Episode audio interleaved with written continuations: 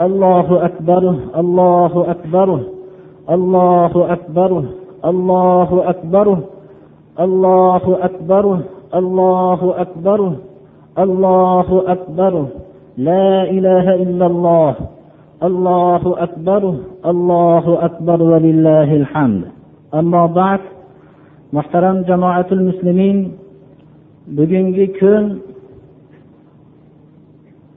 hijriy sananing oxirgi oyi bo'lgan zulhijja oyining to'rtinchi kuni. Seshanba kundan oy yangi bo'lgan zulhijja oyining avvalgi o'n kuni qur'oni karimda ayyomi ma'lumot deb yodga olingan. Ayyomi ma'lumot zulhijja oyining ya'ni haj oylarining o'n kunini tashkil qiladi. Bu kun alloh subhanahu va taoloning qur'oni azimu shanda alohida yod qilinishligi shu oyning birinchi kunidan boshlab jahondagi hamma olloh allohu rahmon taoloning mehmonlari bobolari ibrohim alayhissalom va u kishining o'g'illari ismoil alayhissalom birgalikda yakka xudoga ibodat qilishlik uchun qurgan kabai muazzama tarafiga borishib shu kundan boshlab o'zlarining farz amallarini bajarishadilar. Hozir biz ana shu ulug' oyning to'rtinchi kunida turibmiz. Mana shu o'n kun ichida haj safariga otlangan kishilar hammalari o'zlarining zimmalaridagi amalni olloh qodir qilguncha bajarishadilar. Ular mana shu o'n kunday amallari bilan uylariga alloh subhanahu va taolo shu hajlarini qabul qilsin. Hajlaridan riyo sumalarni saqlasin. Haj da riyo sumalar bo'lmasdan olloh qabul qilsa ular uylariga yangi tug'ilgan boladek begunoh bo'lib qaytishadilar. Ular mana shunday hozirgi soatda labbayk allohumma labbayk innal hamda va ni'mata laka val mulk la sharika laka labbayk deb alloh subhanahu va taoloning buyrug'iga labbay deb turgan soatlarda turibmiz hozir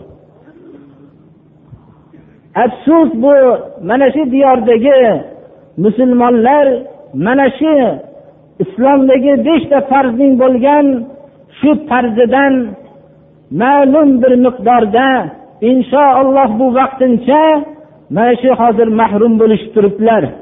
Ulardan faqat cheklangan suratdagi kishilar borib haj qilib kelishyaptilar. Ammo mustazafillar boshqa mamlakatlardagiga o'xshagan mustazaf birodarlar hammasi hajga borisholmasdan turibdilar. Alloh subhanahu va taolo mana yana yigirma olti kundan keyin yangi hijriy sana kiradi. Alloh subhanahu va taolo mana shu yangi yilni bularning mana shu duolari barakoti bilan olloh mana shu farzni ham ularga muyassar qilishlikka olloh qodir qilsin. Ayyomi ma'lumotdan keyin ayyomi tashriq ayyomi ma'dudot. Idi qurbonning birinchi kunidan boshlab to'rt kun ayyomi ma'dudot hisoblanadi. Ayyomi ma'dudot qur'oni karimda yod qilingan ya'ni ayyomi tashrifda ayyomi ma'dudotda ollohni ko'p yodga olinglar shuning uchun mushtahidlar fuqarolarimiz hammalari shu kundan arafa kunidan boshlab takrib takbir aytishlikni mashru qilganlar. Shu zulhijja oyining o'n kunida takbirlarni ko'p aytishlik bu shiori islomdan hisoblanadi.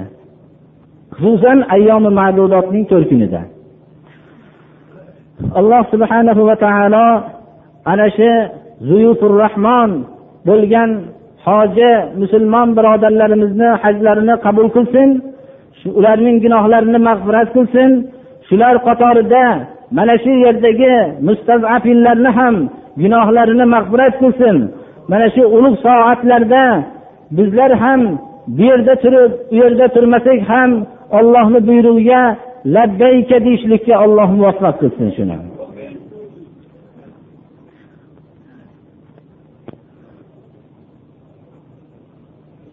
Navbatdagi darsimiz nihoyatda hozirgi o'zi gapimizga muvofiq hozirgi soatimizga muvofiq suratul balad. Suratul balad payg'ambarimiz sollallohu alayhi vasallam makkai mukarramada turganlarida nozil bo'lgan. Tamomiy da'vatlari ustiga makka mushriklaridan makkadagi yahudiylardan ah boshqa ahli kitoblar tarafidan ularning boshlariga og'ir musibatlar nozil bo'lib turgan vaqtda nozil bo'lgan. Suratul balad yigirma oyatni tashkil qiladi. Suratul balad alloh subhanahu va taolo bu surada da'vatning beshigi bo'lgan makkai mukarrama nomiga qasam ichib va shu makkai mukarramaga tamomiy payg'ambarlarning sayyidi bo'lgan muhammad alayhissalomning shu yerda tug'ilganligi mana shu yerda yashaganligi bo'lgan mana shu muhammad alayhissalom nomiga qasam ichib va hamda butun dunyoga nur tarqatgan butun dunyo musulmonlarning orzusi bo'lgan ular doim ishtiyoq qilib qalblari shu tarafga otlanib turgan kabai muazzamani qurgan bobomiz ibrohim va u kishining o'g'illari ismoil alayhissalom nomiga qasam ichadi. Qasam ichib insonning mashaqqatda yaratganligini dunyo insonga mashaqqat chekadigan joy ekanligini ifodalaydi. Inson o'ziga berilingan ba'zi g'ururlari vositasi bilan o'ziga hech kim qodir bo'lmayajak ekanligini gumon qilganligini malomat qiladi.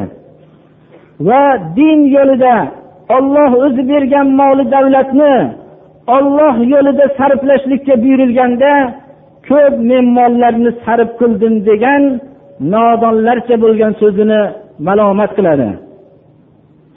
Va uning nima ehson qilganligi qayerga ehson qilganligini olloh ko'rib turganligini xabarini beradi.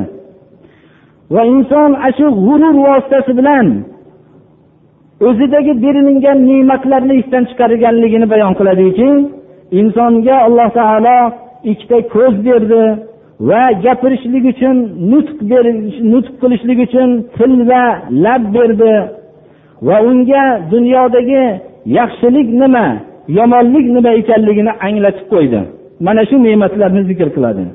Inson ana shu ne'matlar vositasi bilan hayotida jannat bilan o'zining o'rtasidagi to'siqni yorib o'tishligi kerak edi. Afsus u berilingan ne'matlardan foydalanmasdan g'ururlanib yurdi bu. Shuni malomat qiladi alloh taolo. Bu to'siq o'zi bilan to'siq jannat o'rtasidagi to'siq nima ekanligini ham bayon qilib beradi. Inshaalloh hozir kengroq tafsir qilganimizda aytamiz. Va bu yaxshi amallarni bajarishlik yaxshi bo'lishligi iymon asosiga bog'liq ekanligini bildiradi. Va musulmonlar jamoasining o'rtasida shaxsiy sabr qiladiganlar kishini bo'lishligi yetarli emasligini balki bir birlariga da'vat yo'lida yetayotgan aziyatlarga sabrga chaqirishlari ekanligini bayon qiladi. Va bir birlariga musulmonlar o'rtasidagi aloqa marhamat asosida bo'lishligini bayon qiladi. Va shularni oxiratda nomay amollari o'ng qo'l tarafidan beriladigan zotlar ekanligini tushuntiradi. Kofirlar bo'lsa ollohning oyatlarini inkor qilganlar bo'lsa ular musulmonlardan mabodo boshlariga o'zlarini biror musibat yetib qolsa doim musulmonlardan shumlanishadi ular ya'ni shular sababli bizga yetdi deyishardi. Alloh taolo ularni gaplarini rad qilib haqiqiy baxtsiz shumlanishlikka loyiq bo'lganlar bizning oyatlarimizga kofir bo'lgan kishilar deb bayon qiladi. Ular dunyoda baxtsizligini bilishmagan bo'lsalar yaqin kunda ularning qamalgan hech qayoqqa harakatsiz bo'ladigan joyda do'zax o'tida bo'lib o'zlarining baxtsiz ekanliklarini bilishadilar deb bayon qiladi shuni mana shu tafsir qilmoqchi bo'lgan sura baladni qisqacha mazmuni shundan iborat بسم الله الرحمن الرحيم لا أقسم بهذا البلد وأنت حل بهذا البلد ووالد وما ولد لقد خلقنا الإنسان في كبد alloh subhanahu va taolo da'vat beshigi bo'lgan tamomiy qiyomatgacha bo'lgan bashariyatga nur tarqatishlikka sabab bo'lgan o'zi ulug' qilgan makkai mukarrama nomiga qasam ichadi makkai mukarrama birinchi marta ibodat uchun yakka ollohga ibodat qilinishligi uchun qurilgan uydir. Ibrohim alayhissalom farzandlari ismoil alayhissalom bilan birga yakka xudoga ibodat qiladigan uy topa olmasdan mana shu uyni ixlos bilan qurishgan edilar. Yer yuzida juda ko'p ibodatxonalar bor edi lekin ularda yakka xudoga ibodat qilinmasdi. Ana shu ular hammalari payg'ambarlar tarafidan kelgan da'vatni buzishib ular shirkka mubtalo bo'lishgan edilar. Ibrohim alayhissalom farzandlari bilan ismoil alayhissalom bilan shu binoni qurishdilar. Qurganlarida alloh subhana va taolo bularning ixlos e'tiqod bilan qurgan binolarini qabul qildida va o'ziniga nisbatlab baytulloh deb nomladi.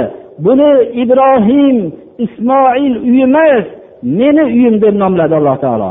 Ana shu baytulloh bo'lganligi bilan butun mo'minlarga bu qiblaga aylandi mana. Muhammad alayhissalomni davrida kelib. Ana shu qurishayotgan vaqtlarda duo qilishgan edilarki xudoyo mana shu millatga o'zing zurriyotlardan bir payg'ambar jo'natginki ularni axloqlarini tuzatadigan poklaydigan ularga o'zingni oyatlaringni tilovat qilib beradigan payg'ambar jo'natgin deb duo qilgan edilar. Alloh subhana va taolo ibrohim alayhissalomni duolarini ijobat qilib oxirgi payg'ambar sallallohu muhammad alayhissalomni payg'ambar qilib jo'natdi. Payg'ambarimiz sallallohu alayhi vasallam ashoblar o'rtasida aytadilarki men boboyim ibrohimning duosiman deb qo'yadilar ana shu. Ana shu shaharni qurayotganlarida shu baytullohni qurayotganlarga ixloslari uchun olloh qabul qildi va shu makka mukarramaga qasam ichib undan keyinlar bevosita shu shaharga tushuvchi bo'lgan shu shaharda turuvchi bo'lgan sizning nomingizga qasam deb muhammad alayhissalomga marhamat qilyapti. Va hamda shu shaharning quruvchi bo'lgan ibrohim alayhissalomga va u kishining o'g'illari ismoil alayhissalomni nomiga qasam ichyapti alloh taolo. Bunda boshqa oyatining tafsirida boshqa mazmunlar ham bor. Mutlaq ota farzand deyilgan mazmunlar ham bor. Imom buxoriy o'zlarini hadislarida odam alayhissalom deganlar va u kishining zurriyotlari deganlar. Ota bilan farzand o'rtasidagi hayot tamomiy mashaqqat asosiga qurilgandir. Ota o'zining butun vujudini farzandining voyaga yetishlikka bag'ishlaydi. U farzandining voyaga yetishlik yo'lida ko'p mashaqqatlar chekadi. Bu mashaqqatlar chekishlik faqat tirik mavjudot bo'lgan insongagina xos emas boshqa hayvonlar ham shu mashaqqatni chekishadi. Va boshqa o'simliklar olami ham yerga urug' tushgandan tortib o'ziga kerakli ozuqani torta boshlaydi. Va hamda shu o'ziga kerakli ozuqani tortib katta daraxt bo'lishlikka atrof muhitdagi qarshiliklarni yengishlik bilan juda ko'p mashaqqatlarni kechadi ana shu mazmun ota va farzandga qasam ichilinishligi insonning mashaqqatda yaratilishligini bayon qilishligiga juda katta bir aloqamanddir mana. Inson haqiqatda mashaqqatda yaratildi. Inson bo'lgan bir tomchi suv bitta hujayra ona qornida inson bo'lishlik uchun ona qornini atrofidagi tamomiy qonni yig'ib shu qon ko'lida o'ziga kerakli ozuqalarni yig'ishga harakat qiladi ana shu vaqtda onaning holati behuzur bo'ladi. Har bir bo'linayotgan hujayralar quloq bo'lmoqchi ko'z bo'lmoqchi qo'l bo'lmoqchi oyoq bo'lmoqchi bosh bo'lmoqchi bo'lgan hujayralar o'zining shaklini hosil qilishlik uchun tamomiy mashaqqatni boshdan kechiradi. Ular bu shakl oddiy suratda davom etmaydi. Nihoyatda murakkab suratda har bir yaratilingan a'zo nihoyatda katta bir murakkablikni o'z ichiga oladi.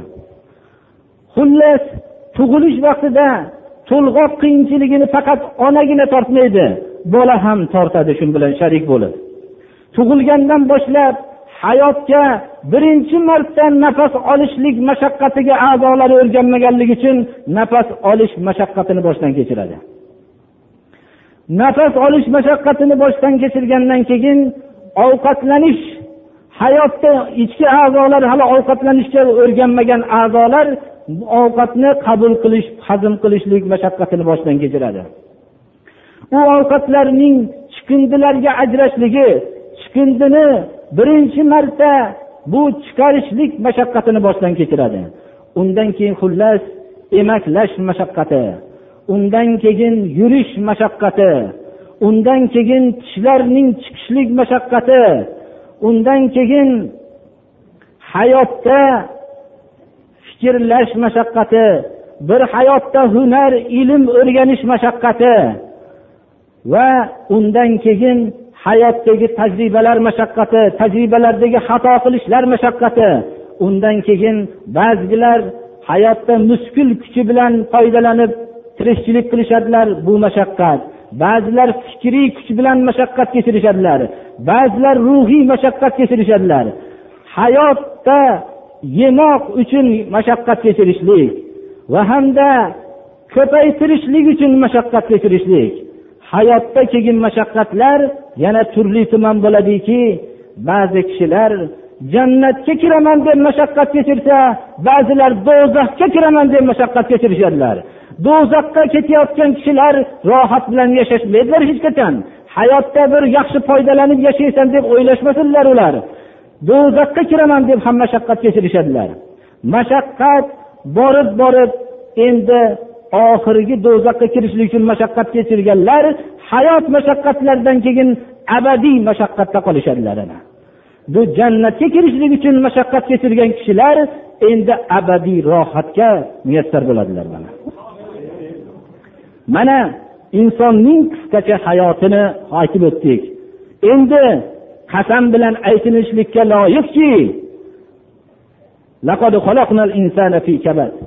insonni biz mashaqqatda yaratdik bu oyat biz hali aytib o'tganimizdek makka muhitida nozil bo'lgan. Makka muhiti ayblari la ilaha illalloh muhammadu rasululloh bo'lganligi uchun boshlaridan mashaqqat kechirayotgan zotlarga tushgan edi. Ularning ayblari yakka xudolikka unash va hamda muhammad alayhissalomni barhaq payg'ambar deyishganlarida xolos shu ayblari uchun makka mushriklari ko'p azob bergan edi. Ana shu azobda tushgan kishilar bir rohatni bundan boshqa joy rohat deb o'ylab qolmasinlar. Insonning hayoti hammasi mashaqqatga qurilgan. Endi qanday bir nodonlarni nodoniyki demak hayot mashaqqat ekan hayot mashaqqatidan keyin abadiy mashaqqatga giriftor bo'lganlar haqiqiy nodonlardir ular ana endi bu mashaqqatdan keyin abadiy rohatga erishganlar haqiqiy aqlli odamlardir buni endi. Inson shu mashaqqat bilan umr kechirayotgan inson o'ziga berilingan ba'zi kuch quvvat ma'lum bir miqdordagi moli davlat bilan o'ziga hech kim qodir bo'lmasligini gumon qiladi. Gumon qiladimi inson? O'ziga hech kimni qodir bo'lmasligini bu amallari hisob kitob qilinmasdan qolishligini gumon qiladimi? Din yo'liga moli davlatini sarflashlikka talab qilinsa men juda ko'p mollarni sarf qildim deydi. Gumon qiladimi inson uni sarf qilayotganligini qayerga sarf qilayotganligini nimaga qayerdan topganligini ko'rmay birov ko'rmayapti deb gumon qiladimi? Alloh subhanahu va taolo albatta ko'rib turadi uni ko'rib turishligi muqarrarligini o'zlariga qarashsalar biladi. Olloh shunday ko'radigan ko'zni yaratib qo'ygan odamlar ko'radigan ko'zni yaratib qo'ygan zot odamlar tarafidan sodir bo'lgan narsani albatta ko'radi. ألم نجعل له عينين ولسانا وشفتين وهديناه النجدين inson o'zi moli davlat g'ururida o'zidagi kuch quvvat g'ururida o'ziga berilingan ne'matlarni esdan chiqaradi alloh subhanahu va taolo shuni minnat qilib aytyaptiki biz insonga ikkita ko'z bermadikmi u bilan hidoyat nima ekanligini ko'radi zalolat nima ekanligini ko'radi hayotda hamma burchakdagi qudrat alloh taolo qudratlarini namoyish qilgan narsalarni hammasini ko'radi va o'zi tushirgan nozil qilgan kitobni tilovat qiladigan til va lab bermadikmi? Unga mana til va labni berdiki alloh subhana va taoloni buyrug'iga muvofiq gapirib ollohni kitobini tilovat qilishlik uchun bergan edi. Yana biz insonni yaxshilik nima yomonlik nima ekanligiga yo'llab qo'ydik. Najid kalimasi baland joyni aytadi. Baland joy deb ya'ni baland joy degan narsa ko'rinib turgandek insonga yaxshilik nima yomonlik nima ekanligini har bir inson biladi. Yomonlik qilayotgan odamlarning bekitib qilishligi bilib qilayotganligining bu misolidir mana. Anas dalilidir buni. Alloh taolo biror narsani insonga marhamat qildiki uning tabiatiga yaxshilik nima yomonlik nima ekanligini biladigan tabiat bilan yaratdi. Odamlar yaxshilikni qilayotganlarida yaxshilik ekanligini bilishib qilishadilar yomonlik qilayotganlarida ham albatta bilib qilishadilar qiyomatda alloh subhana va taolo ana shu fitratlarini hujjat qildiki qiyomatda undan qochib qutulolmaydi. inson har qancha uzrlarni o'rtaga tashlasa ham baribir insonni alloh subhana va taolo o'zini ustida nazoratchi qilib yaratganki بل الإنسان بصيرة على بل الإنسان على نفسه بصيرة ولو ألقى معاذيره inson o'zini ustida nazoratchidir. Har qancha uzrlarni bayon qilsa ham shayton sababli adashib qoldim falonchi sababli adashib qoldim degan gaplari mana shu dunyoda ishlaydi xolos oxiratga borganda bu gaplar ishlamaydi inson o'ziga berilingan ana shu ne'matlardan mana shu foydalanmadi o'zi bergan ko'zlarini ollohning ma'siyatiga ishlatdi. Insonga berilingan til va lablarni o'zining ma'siyatiga ishlatdi o'zini yo'liga ishlatolmadi. Jabal roziyallohu anhudan ashobi ikromlar ichidagi ulug' sahobalardan payg'ambarimiz sollallohu alayhi vasallam ibn jabal imomul ulamai yawmal qiyamah dedilar. Qiyomat kunidagi ulamolarning imomi dedilar. Ibn jabal o'zlari taxminan yoshlari o'ttiz uch yoshda vafot qildilar. U kishi o'ttiz uch yoshda payg'ambarimiz sollallohu alayhi vasallamdan keyin vafot qildilar umar ibn hattobning davrlarida. Umar ibn hattobning vafotlaridan ilgari. Bu kishini ulamolarning qiyomat kunidagi imomi degan so'zni taxminan bu kishi o'ttizga yetmasdan shunga musharraf bo'ldilar mana shu nomga mana. Hatto umar ibn hattobdan o'zingizni o'rningizga xalifa qilib qo'yib keting deganlarida ko'p kishilarni bir ikkita kishilarni qo'yib ketmoqchi bo'lganlar. Lekin shu so'zlarni ichida shu so'z borki agar ibn jabal tirik bo'lganda o'rnimga xalifa qilib qo'yib ketardim qiyomat kuni rabbim ummati muhammadga kimni xalifa qilib kelding desa ibn jabalni degan bo'lardim. Nima uchun ummati muhammadga ibn jabalni xalifa qilding desa chunki men o'zingni habibingdan eshitdimki jabal imomul qiyoma qiyomat kunidagi ulamolarning imomi degan so'zni eshitgan edim. Shu so'zga asosan xalifa qilib keldim degan bo'lardim degan ekanlar. Mana shu zot payg'ambarimiz sollallohu alayhi vasallamning suhbatdoshlari bo'lgan yonlarida bo'lgan. Shu kishi rivoyat qiladilarki payg'ambarimiz sallallohu alayhi vasallam bilan safarda edim bir kuni u kishiga yaqinroq bo'lib qoldim. Birga ketayotgan edik. Shunda vaqt xoli vaqtlarni topib so'radimki yo rasululloh أخبرني بعمل يدخلني الجنة ويباعدني عن النار menga bir amalni aytib beringki meni jannatga kirishligimga sabab bo'lsa do'zaxdan uzoq bo'lishligimga sabab bo'lsa deb so'radim u kishi aytdilarki ulug' narsa so'radingu bu olloh muyassar qilgan kishiga oson buni buning uchun sen ollohgagina ibodat qilgin. Ollohga sharik isbotlamagin. Hech narsani sharik qilmagin dedilar. Namozni barpo qiling zakotni o'ting dedilar. Ramazonda ro'za tuting dedilar. Hajni baytullohni haj qiling dedilar. Deb turib aytdilarki yaxshiliklar darvozasiga yo'llab qo'yaymi dedilar. Shunda albatta yo rasululloh yo'llab qo'ying dedilar. Bo'lmasam shuni bilingki dedilar ro'za qalqondir do'zaxdan dedilar. Sadaqa xatoni yo'qotadi xuddi suv o'tni o'chirib qo'ygandek dedilar. Kishining hamma uyquda holatidagi namozi solih kishilarning shiori dedilar. Keyin payg'ambarimiz sallallohu alayhi vasallam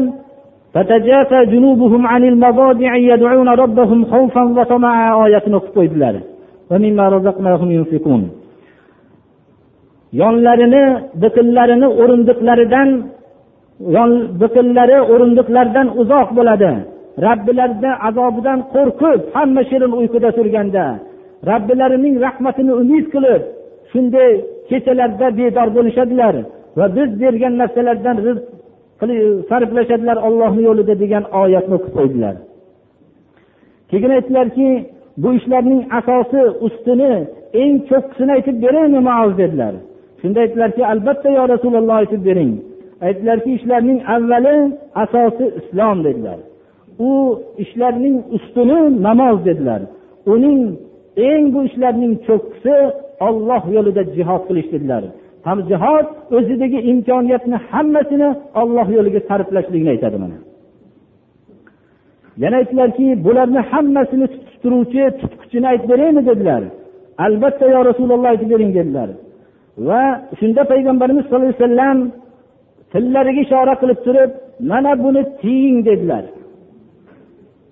Shunda jabal aytdilarki ey ollohni payg'ambari biz gapirgan so'zlarimiz bilan ham qiyomatda hisob qilinamizmi yo rasululloh? dedilar. Shunda aytdilarki ey maoz dedilar. Ey nodon degan ekanlar ummuk degani ey bizni o'zimizni o'zbek tilida qurib ketdiyu deb aytib erkalatib qo'ygan so'zni aytamiz.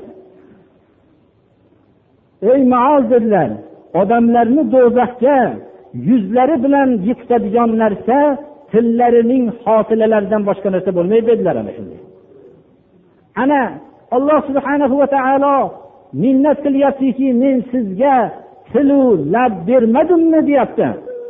Afsus bu til bilan lab ne'mat bo'lsa alloh subhanahu va taolo tarafidan bizga mislsiz bu ne'matligini gapirmagan kishilarni oldiga borib gapirishdan to'xtab qolgan odamlarni oldiga borib bir ziyorat qiling bilasiz. Afsus biz mana shu tilimiz bilan do'zaxga kirishlikka sabab bo'lsak bu juda ham nodonlik bu albatta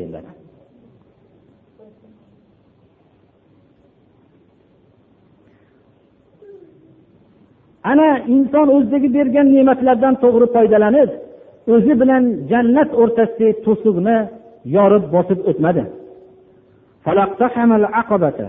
وما أدراك ما العقبة فك رقبة أو إطعام في يوم ذي مسغبة يتيما ذا مقربة أو مسكينا ذا متربة afsus afsus inson o'zi bilan jannat o'rtasida bitta to'siq turuvdi shuni bosib o'tmadi To'siq nima bilasizmi? Bu to'siq nihoyatda ollohni huzurida e'tiborli to'siq. Bu to'siqni bandalar bilishi kerak. Ollohni huzurida e'tiborli bu to'siqni bosib o'tishlari kerak. Bu to'siq qulni ozod qilish. Qattiq ochlik kunlarida odamlarni taomlantirmoqlik qarindosh bo'lgan yetimlarni taomlantirmoqlik. Va hamda qattiq muhtoj bo'lib qolgan bechoralarni taomlantirmoqlik. Mana shu inson bilan jannat o'rtasidagi to'siq shu. Ana shu to'siqni bosib o'tmadi inson. Bu oyat hali aytib o'tganimizdek makka muhitida nozil bo'lgan edi. Makka mukarramada avval islomda musulmon bo'lgan kishilar ko'proq qullarni tashkil qilardi. Qullar o'zlarining hojalaridan juda qattiq azoblarni tortishardi. Ular jazirama issiqqa olib chiqib yotqizib qo'yilinib ularning ustiga qizigan toshlarni qo'yib qo'yilardi og'ir toshlarni.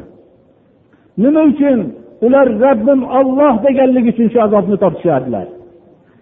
Ana shunday davrda bularni och qo'yilardi qarindoshlar ichida iymon keltirganligi uchun ular bilan savdo aloqalarini uzilgan edi. Ular hech narsa topib yegani ba'zi narsalar topisholmasdilar ayblari rabbim olloh deganlari edi. Ana shu davrda alloh subhanahu va taolo insonlarning jannat bilan o'zlarini o'rtasida to'sib turgan to'siq mana shu deb bayon qilyaptiki mana shu narsalarni bajarsanglar sizlar jannatga o'tib olasizlar deyaptilar. Abu bakr roziyallohu anhu ana shu jannat bilan o'zlarining o'rtasidagi to'siqni yorib bosib o'tgan zotlardan edi. U kishi qullarni ichida oltita qulni ozod qildilar madinaga hijrat qilishlaridan ilgari bilol ibn rabohdan boshqa. Bilol ibn raboh yettinchilari edi. Bilol ibn raboh mana halab qo'lida azob tortardilar. U kishini sotib olib ozod qildilar. Ana ozod qilgan qullari qiyomatgacha bo'lgan muazzinlarning ustoziga aylandi tamomiy bu kishi butun rasululloh sollallohu alayhi vasallamning mezanalarida turib tamomiy musulmonlarni ollohni yo'liga chaqirdilar mana.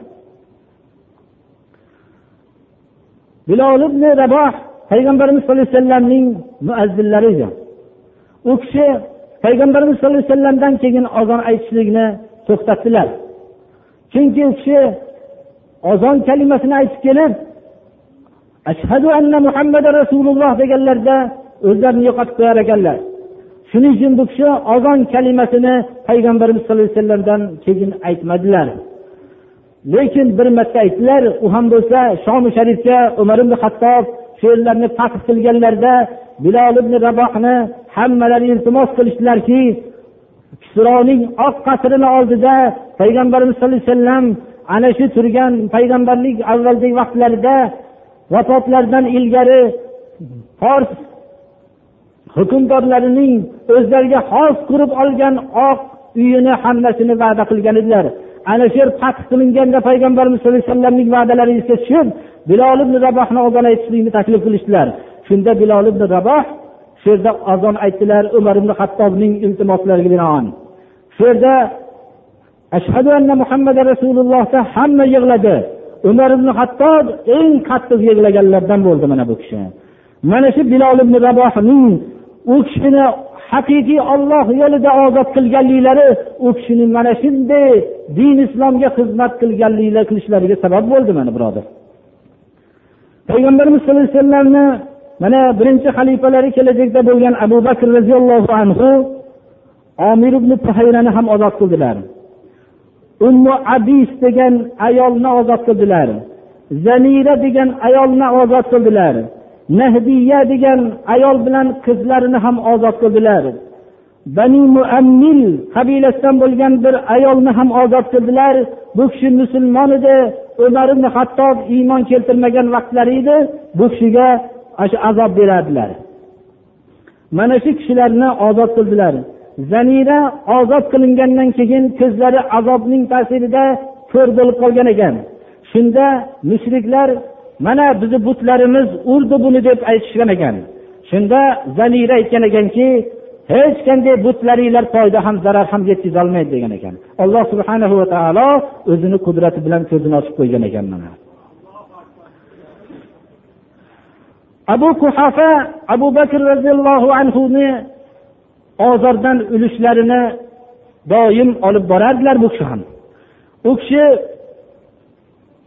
dadalari kelib o'g'lim shu bolalarni shu odamlarni ozod qilyapsan ekan. Baquvvat baquvvat qullarni ozod qilganingda seni boshingga musibat tushganda bir yarab qolardi. Sen ozod qilgan qullar hammasi ishga yaramaydigan bo'lib ham ojiza bir ayollar ekan. Sen endi buni bu yoqda baquvvatroq ishingga yaraydiganlarni ozod qilgin deganlarda abu bakr roziyallohu anhu aytgan ekanlarki men bularni o'zim uchun ozod qilayotganim yo'q. Buni faqat olloh uchun ozod qilyapman degan ekanlar mana. Ana ana shu o'zi bilan jannat o'rtasidagi to'siqni yorib o'tmadi bu inson. Ana ashobi ikromlar xususan abu bakr roziyallohu anhu o'zlari bilan jannat o'rtasidagi to'siqni bosib o'tgan edilar mana. Bu to'siq nima? Ana shunday muhitlarda qulni ozod qilish degan ma'no shundan iborat. Ochlik kunlarida taomlantirmoqlik bo'lib ham kimlarga? Qarindosh bo'lgan yetimlarga va qattiq ehtiyojmand bo'lgan kambag'allarga.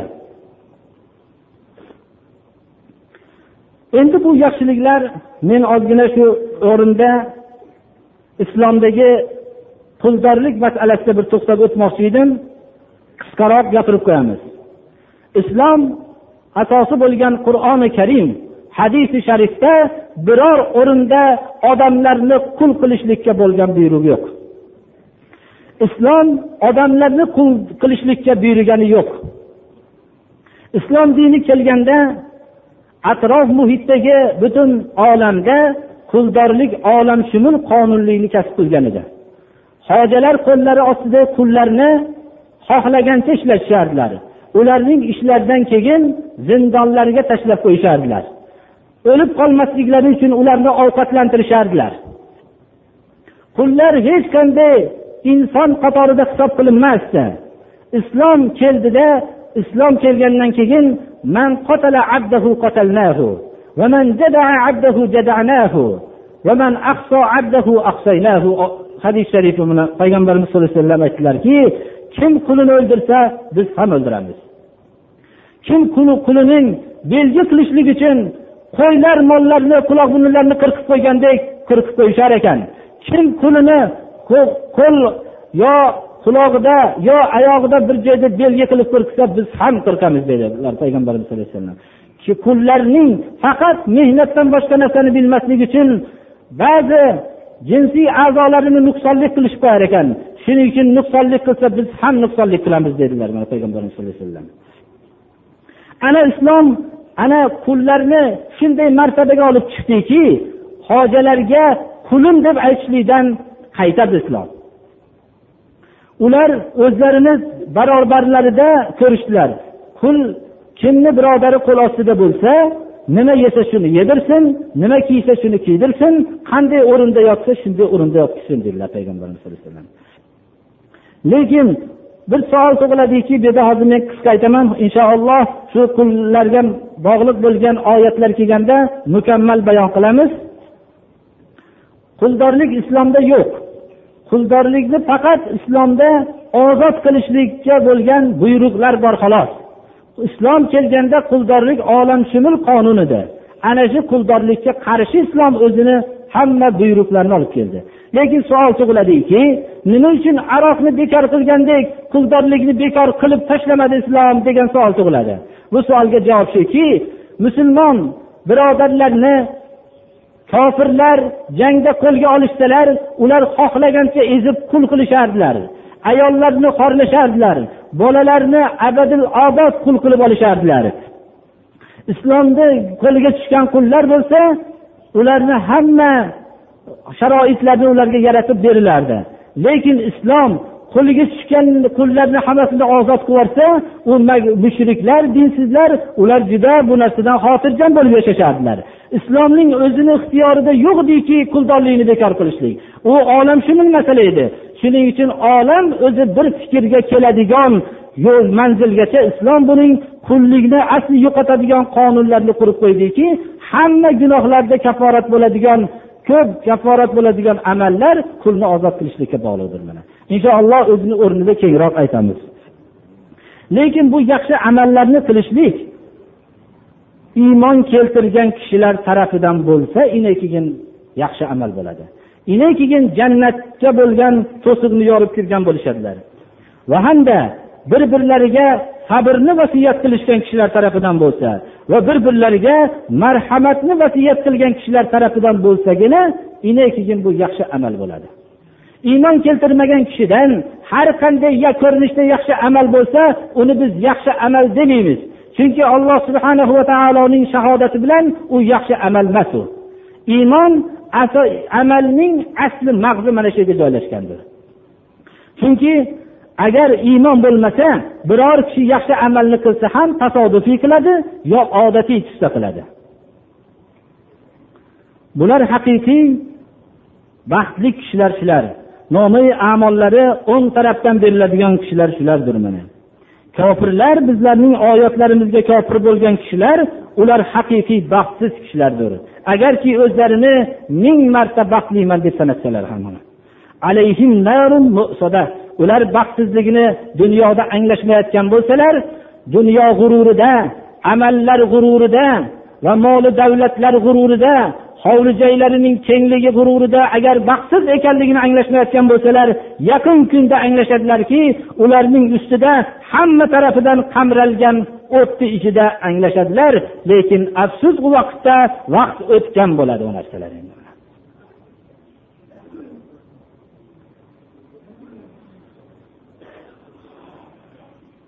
alhamdulillahi robbil alamin. Ho'p birodarlar bugungi mana kunimiz zulhijja oyining to'rtinchi kuni dedik. Inshaalloh o'ninchi zulhijja oyining payshanba kunida idi qurbon namozini o'qiymiz. Idi qurbon namozi kun chiqqandan yigirma minut keyin o'qiladi. Yana hozir aytamiz olloh xohlasa xonaqo tarafida agarchi cholaroq bo'lsa ham pokiza qilamiz shu yerlarni. Shu payshanba kuni inshaalloh olloh shunga madad bersa shu yerda idi qurbon namozini o'qiymiz. Idi qurbon namozidagi hamma bir so'ramoqchi bo'lib turgan masala qurbonlik haqida ham bir ikki og'iz gapiramiz. Qurbonlik qo'y so'yishlik kishini o'zini tarafidan va oila a'zolaridan kifoya qiladi. Mol yetti kishi tarafidan kifoya qiladi. Tuya yetti kishi tarafidan kifoya qiladi. Qo'yning dadil ya'ni semizroq bo'lish sharti bilan olti oydan kattaroq bo'lsa eng kamida shu bo'lishi kerak. Eng yaxshisini so'yishlikka harakat qilish kerak edi. Echki bir yasharligi bo'lishi kerak. Ho'p molni yoshi ikki yosh bo'lishi kerak tuyani yoshi besh yashar bo'lishligi kerak. Mana shu so'yish vaqtida qo'y mollarni chap tarafi bilan yotqizilinadi so'yayotgan kishi albatta niyat qilib allohimma hada minka valaka fataqabbal minni xudoyo bu narsani o'zing menga bergan eding o'zingni yo'lingda bag'ishlayman buni mendan qabul qilgin deb niyat qilib bismillahi allohu akbar deb so'yadi shuni. Qurbonlik qiladigan vaqt idi qurbon namozi o'qilgandan keyin uch kun ichida qilinsa kifoya qiladi. Avvalroqda qilishlikka harakat qilishlik mustahab. Qurbonlikni uchga bo'linadi sunnat shu. Bir qismini oilasi bilan xursandlik qilib farzandlariga oilalar a'zolariga yediradi. Yana bir qismini do'st birodar qarindoshlarga yana bir qismini kambag'al kishilarga taqsim qilinadi. Chunki hamma xursandlik qilib turganda kambag'allarni go'shtga muhtoj bo'lib turishligini mo'min odamning qalbi bunga unamaydi mo'min kishi qo'shnisini qornini to'yganligini bilmasdan turib qornini to'ygizmaydi mo'min odam shu kunday xursandlikni hammaga bo'lishligini xohlaydi ana shunday. Uning qalbi shunday iymon sababli shunaqa qalb alloh subhana va taolo unga bergan mana. Qurbonlik haqidagi mana shu qisqacha gap shundan iborat mana.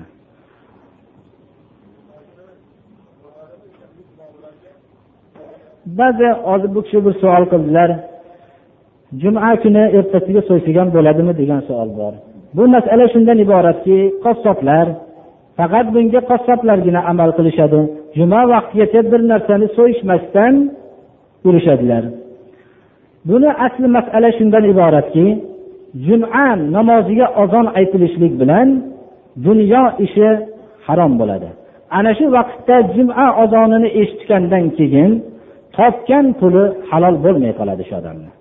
Shuning uchun bunaqa qassoblik bir haligi birdaniga yig'ishtirib qo'yadigan kasb bo'lmaganligi uchun uzoqroq vaqtda bo'lganligi uchun agar shu juma ozonini yanigacha borib qolmasin deb jumagacha qassoblik hunarini o'rgatgan kishilar mo'min bo'lganligi uchun jumagacha shu ish bilan shug'ullanmay tursin degan. Bunga o'zi boshqa kasb egalari ham hammalari o'zi shunga o'zi bo'ysunishlari kerak. Lekin u ishlar masalan boshqa kosibchilik boshqa hunarmandchiliklar shunday tashlab ketsa bo'laveradigan hunar. U aynib qolib yo boshqa bir nima bo'lib qoladigan emas qassoblik hunari ana shu vaqtdagina tashlab ketishlikka bo'lmaydi. Go'shtlar shunday qolib ketib qolishligi mumkin shuning uchun xususan issiq davrlarda uni joylab qo'yishligimiz kerak bo'ladi. Shu asli ma'no shu. Bo'lmasa juma kuni so'ysa bo'laveradi albatta bu narsani. Mana bunga usmon roziyallohu anhu umar ibn hattob minbarda xutba o'qib turganlarida usmon roziyallohu anhu ko'ngillari chang bo'lgan holatda kirib keldilar. Voy usmon dedilar. Qaysi soatda turibsiz? dedilar. Dedilar bog' ishi bilan ovora bo'lib qolibman shu ozonni ovozini eshitildimi ishni tashlab kelyapman dedilar. Tahorat qilishga ulgurdim xolos deganlarda tahoratni ham qo'yavermabsizda dedilar ana shunday. Ya'ni bunga avvalroqdan harakat qilinishlik kerakligini ta'lim berganlari mana shunday asosdan kelib chiqqan bo'lsa kerak vallohu alam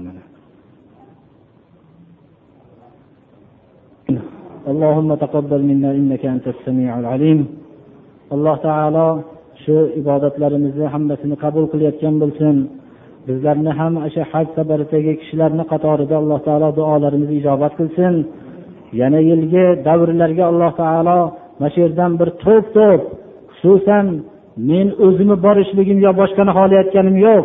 Bu yerdagi o'tirganlarni ham xohlayotganim yo'q. Nihoyatda dillarida biz ham borolmaymiz lekin degan zaif kishilar bor mustazafinlar bor. Ana shu mustazafinlarni alloh subhanahu va taolo avvalo islomni bilishlikka muvaffaq qilsin. Islomning boshqa arkonlarini hammasini qilishlikka muvaffaq qilsin. Shu qatorda alloh subhanahu va taolo ma'yus bo'lib turgan shu farz amalni ham alloh subhanahu va taolo ko'pchilikka muvaffaq qilsin. Mana janobi rasululloh sollallohu alayhi vasallam sulhi hudaybiyada usmon roziyallohu anhuni makkaga elchi qilib jo'natganlarida payg'ambarimiz sallallohu alayhi vasallamni g'amgin qilishlik uchun makka mushriklari usmon o'ldirildi degan xabarni tarqatishib yuborgan ekanlar. Payg'ambarimiz sallallohu alayhi vasallam g'amgin bo'lib daraxtga suyandilar shajaratul rizvonga suyangani suyanib turib bayat qabul qildilarki biz elchi qilib turgan usmonni agar o'ldirishgan bo'lsa biz jang qilamiz dedilar. Shunda shajaratul rizvonda suyanib turganlarda bayat qilishdilar hammalari. Usmon roziyallohu anhu haqida bu gap yolg'on edi. U kishini keyin qaytarib berishdilar. Shu makkaga kirganlarida payg'ambarimiz sallallohu alayhi vasallam makkadan chiqib ketganlarida haj qilmadilar. Haj qilmaganlarida usmon roziyallohu anhu endi kirib qolganlari uchun ey usmon mana endi siz kabani oldiga kelib qoldingiz. Siz endi bir tavof qilib haj qilib oling shunday deganlarda aytgan ekanlarki haj qilmayman degan ekanlar rasulullohni to'sasizlaru men haj qilamanmi degan ekanlar shunda. Shuning uchun meni ham qalbimga shu keladiki juda ko'p zaif kishilar bor. Ular hammalari haj qilolmayotganlariga ko'p yig'lashadilar shular lekin bizlar masalan o'zimiz uddalaganlar haj qilsak unda ko'pchilik hajga bormasa ana shular yana ham ma'yuslik yo'qolmaydi. Ana shu so'zdan men to'lqinlanib aytyapmanki alloh taolo birinchi shu mustazafillarni haj qilishlikka alloh muvaffaq qilsin. Shular qatorida alloh taolo bizlarga ham muyassar qilsin parvardigori sallallohu taolo ala xayri xalqihi muhammad va alihi va sahbihi amin. Alloh taolo parvardigori bizni alloh taolo to'g'ri yo'ldan chiqarmasin. Allohu akbar. Hop bir yana so'zimiz bor. Ekan allohu akbar. Allohu akbar. Allohu akbar allohu akbar allohu akbar allohu akbar allohu akbar لا إله إلا الله الله أكبر الله أكبر ولله الحمد. الله أكبر كلما أحرموا من الميقات ولبى الملبون ولبى الملبون محلقين رؤوسهم ومقصرين. الله أكبر. كلما دخلوا فجاج مكة آمنين. الله أكبر. كلما طافوا بالبيت وسعوا بين الصفا والمروة ذاكرين مكبرين.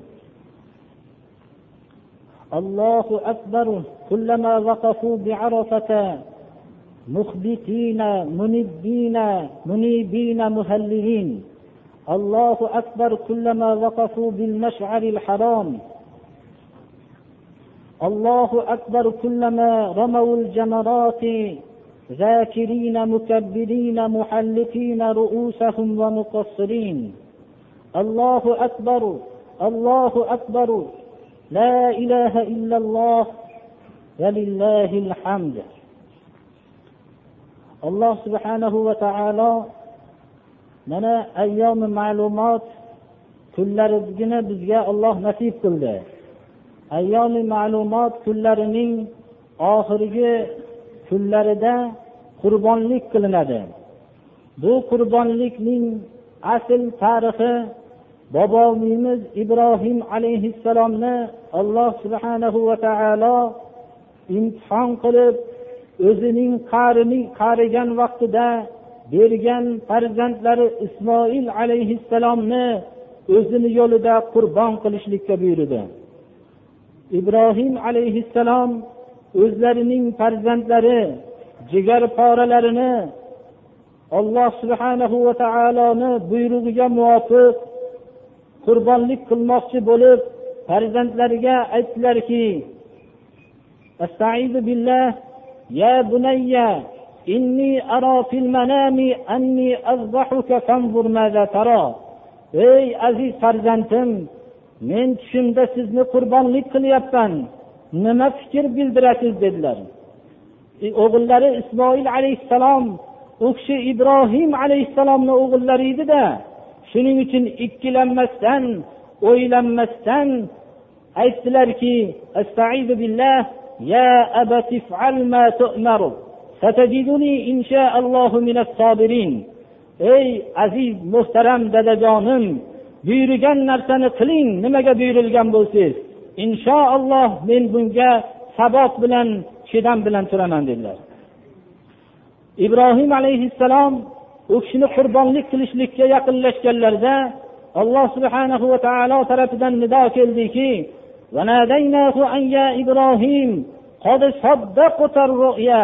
إنا كذلك نجزي المحسنين ey ibrohim siz tushni haqiqiy tasdiqladingiz biz mana shunday haqiqiy xudoga sig'ingan xudojo'ylarni shunday imtihon qilib shunday mukofotlaymiz deb jannatdan bir qo'chqor olloh marhamat qildi uni o'g'illari o'rniga shu qo'chqorni qurbonlik qildilar payg'ambarimiz habibimiz azimimiz muhammad alayhissalom bobomiz ibrohim alayhissalomning sunnatlarini ihyo qilib u kishi hajjatul vadoda haj qilganlarida yuzta tuya so'ydilar qurbonlik qilib. Madina munavvarada turgan vaqtlarida uylarida ikkita qo'chqor shohlik va qashqalik qo'chqorni so'ydilar. Bittalarini muhammad alayhissalom tarafidan va u kishi oila a'zolari tarafidan so'ydilar. Ikkinchisini ummati muhammad tarafidan so'ydilar. Ana muhammad alayhissalomning bu sunnatlari bo'lib qoldi. Ulamolarning ko'plari buni mustahabdan degan kishilar ham bor. Lekin ulamolarning boshqalari davlatmand bo'lishlik bilan vojib dedilar. Ey mo'min birodarlar boboyimiz ibrohim alayhissalomdan qolgan sunnat bu. Muhammad alayhissalomdan qolgan sunnat. Buni ehyo qilishlikka harakat qilinglar. Olloh bergan moli davlatlarga baxillik qilmanglar. Ollohni yo'lida sarf qilishlikdan baxillik qilmanglar. Eng yaxshisi va go'shtdorini olib so'yinglar. Tuya bo'lsa yetti kishi o'rniga o'tadi. Yoshi besh yoshdan kam bo'lmasligi kerak. Mol bo'lsa ikki yosh bo'lmoqligi kerak kamida u ham yetti kishi tarafidan o'tadi. Qo'y bo'lsa bu ham eng kamida olti oylik yaxshi yetilgan bo'lishi kerak. Bu bir kishi tarafidan o'tadi. Echki bo'lsa bir yoshlik bo'lmoqligi kerak. Bu kishi ham bu ham bir kishi tarafidan o'tadi. Qurbonlik so'yilayotganda albatta chap tarafini yotqizib qo'y mollarni bismillahi allohu akbar deb niyat qilib alloh subhana va taoloni tarafiga jo'natmoqlik kerak tuyani yotqizib so'yilmaydi tikka turgan holatda so'yiladi alloh taolo mana shu ibodatlarga alloh muvaffaq qilsin qilayotgan ibodatlarimizni qabul qilsin ذلك ومن يعظم شعائر الله فإنها من تقوى القلوب لكم فيها منافع إلى أجل مسمى ثم محلها إلى البيت العتيق ولكل أمة جعلنا منسكا ليذكروا اسم الله على ما رزقهم من بهيمة الأنعام. فإلهكم إله واحد فله أسلموا. وبشر المخبتين الذين إذا ذكر الله وجلت قلوبهم وإذا وجلت قلوبهم والصابرين على ما أصابهم والمقيم الصلاة ومما رزقناهم ينفقون. بارك الله لي ولكم في القرآن العظيم. ونفعني وإياكم بالآيات والذكر الحكيم. إنه هو الغفور الرحيم. أحمده سبحانه وتعالى على نعمه الغزار وأشهد أن لا إله إلا الله وحده لا شريك له الملك الغفار. وأشهد أن محمدا عبده ورسوله المختار. خصوصا على الصديق والفاروق وذي النورين والمرتضى أئمة. رضوان الله تعالى عليهم أجمعين. اللهم أعز الإسلام والمسلمين وأذل الشرك والمشركين واحمي حوزة الدين واجعل بلاد المسلمين آمنة مطمئنة. اللهم أقم علم الجهاد واقمع أهل الشرك والريب والفساد. إنك أنت السميع العليم. اللهم ألف بين قلوب المؤمنين في المشارق والمغارب